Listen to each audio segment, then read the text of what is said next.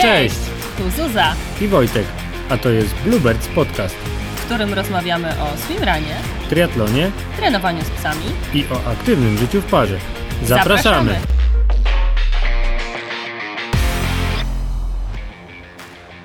Cześć diablaczki i diablaki. Witam w drugiej części podcastu z serii Diablak oczami ptaka, dotyczącego ekstremalnego triatlonu o dumnej nazwie Diablak.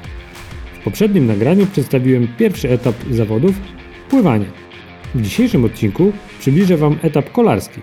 Opowiem, co się u mnie sprawdziło, na co warto zwrócić uwagę, podpowiem co nieco, jak przygotować się logistycznie. Zapraszam! O samej trasie będzie krótko. 180 km jest podzielony na dwie równe pętle po 90. Według mojego zegarka na każdej pętli jest do pokonania około 1700 metrów przewyższenia. Mówię tu o samych podjazdach. Więc trasa należy do tych trudnych. Ale spokojnie, nie taki diabeł straszny, przynajmniej na pierwszej pętli. Bardzo ważną sprawą jest to, że zawody rozgrywają się przy otwartym ruchu samochodowym. Dlatego istotne jest, aby zachować szczególną ostrożność. Lepiej stracić chwilę stojąc na czerwonym świetle lub przepuszczając pieszych, niż stracić cały start, a nie daj Boże zdrowie. Dlatego bardzo Was proszę, pamiętajcie o tym. Ja, nawet lecąc na rekord, zwalniałem dojeżdżając do skrzyżowań z drogą główną, czy też zbliżając się do przejścia dla pieszych. Na światłach chyba raz przeleciałem na żółtym, ale nie było szans, żebym się zatrzymał. Nie chcę Wam opisywać każdego fragmentu trasy, bo uważam, że każdy będzie miał inne doznania, inne odczucia i przeżycia związane z tym dystansem. Bardzo chcę, abyście na własnej skórze odczuli i na własne oczy zobaczyli, czym jest diabelska pętla rowerowa.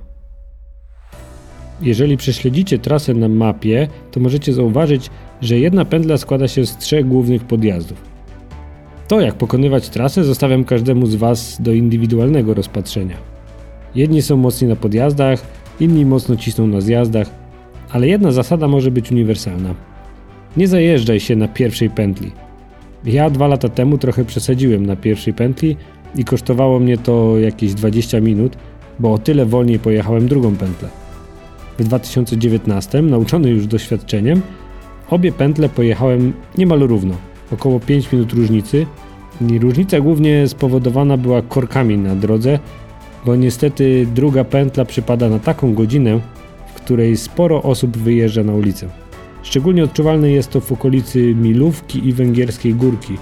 Tam możecie napotkać spore utrudnienia na drodze w postaci sznurka samochodów. Nie denerwujcie się, nie przypychajcie na siłę. Lepiej zwolnić, wjechać na chodnik i spokojnie chodnikiem wyprzedzać samochody. Oczywiście omijając pieszych. Jeżeli chodzi o podjazdy, to staram się je pokonywać w równym tempie z równą kadencją. Bardzo dużą uwagę zwracam na oddech. Jeżeli nie jestem w stanie równomiernie oddychać, to znaczy, że jadę za szybko. Równomiernie nie znaczy, że spokojnie. W moim przypadku sprawdza się system, który mógłbym nazwać raz, dwa. Wygląda to tak, że na pierwszy obrót korbą przypadają dwa wdechy, a na drugi obrót dwa wydechy. Coś w rodzaju raz, dwa, raz, dwa. Lewa, prawa, lewa, prawa.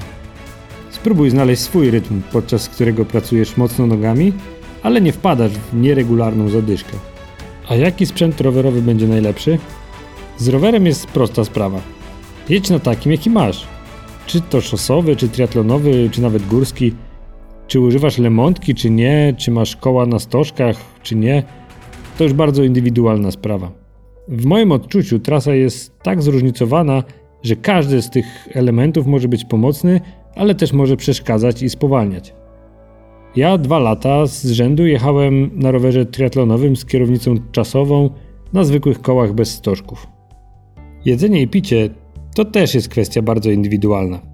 Jeżeli przeczytałeś regulamin, to wiesz, że organizator zapewnia tylko dwa punkty odżywcze na trasie rowerowej. Matematycznie od punktu do punktu masz do przejechania 45 km i około 850 metrów w pionie. Sporo. Mi przejechanie tego dystansu zajmowało około półtorej godziny, a przy sobie miałem tylko dwa żele i dwa bidony. Jeden bidon z wodą, a drugi z IZO. Resztę miał support, bo bez supportu nie wyobrażam sobie pokonania tej trasy. Oczywiście można targać ze sobą cały niezbędny ekwipunek, ale on waży, a każdy kilogram to dodatkowe zmęczenie. Dlatego wydaje mi się, że support jest najrozsądniejszym rozwiązaniem. Wiem, że są osoby, które startują bez wsparcia. Jest to bardzo trudne rozwiązanie pod kątem logistycznym i bardzo chętnie dowiem się, jak takie osoby poradziły sobie na całej trasie. Będę wdzięczny, jeżeli zechcecie podzielić się z nami swoimi doświadczeniami. Ile picia, ile jedzenia mieliście ze sobą, jak rozplanowaliście uzupełnianie bidonów. Wracając do mojego supportu, bez niego nie dałbym rady pokonać całego dystansu w takim czasie, zarówno w 2018 jak i 2019. Support towarzyszył mi niemal na całej trasie rowerowej. W jaki sposób działaliśmy? Na podjazdach samochód odjeżdżał jakieś 2 km do przodu. Zatrzymywał się i czekał z przygotowaną wodą, izo i batonami. Gdy dojeżdżałem, z daleka mówiłem, co jest mi potrzebne i co będę potrzebował na następnym pić stopie. I na przykład, gdy kończyło mi się izo lub woda, wyrzucałem pusty bidon i brałem pełny. Gdy kończyły mi się żele, to brałem dwa, żeby mieć zawsze jednego w zapasie. Na szczytach podjazdów uzupełniałem wszystko na maksa, aby na zjazdach i płaskich niczego mi nie zabrakło. Na zjazdach support starał się utrzymać moje tempo na zakrętach, jadąc z tyłu. Na płaskich odcinkach wyprzedzali mnie co jakiś czas, aby upewnić się, że mam wszystko i niczego mi nie zabraknie. Myślę, że takie rozwiązanie pomogło w tym, że cały czas piłem i cały czas podjadałem. Nie dopuściłem do niedoboru energii. A jest to mega ważne, bo przed sobą jeszcze kolejny etap bieg, na który nie powinno się wychodzić bez siły. Podsumowując etap rowerowy. Trasa trudna, sporo przewyższeń i stromych zjazdów. Uwaga na otwarty ruch samochodowy i to, że na drugiej pętli możliwy spory ruch. Nie napalać się na pierwsze podjazdy. Zostawcie siłę na drugą pętlę. Osobiście zalecam support. Jeżeli chcielibyście się dowiedzieć więcej na temat etapu rowerowego, to zapraszam do zadawania pytań. Postaram się odpowiedzieć, coś poradzić. Jeżeli podobało Ci się to nagranie, to byłbym wdzięczny za kciuka w górę i udostępnienie nagrania dalej. Do usłyszenia w następnym odcinku, w którym przybliżę 45-kilometrową trasę biegową na szczyt Babiej Góry. Trzymajcie się ciepło, cześć!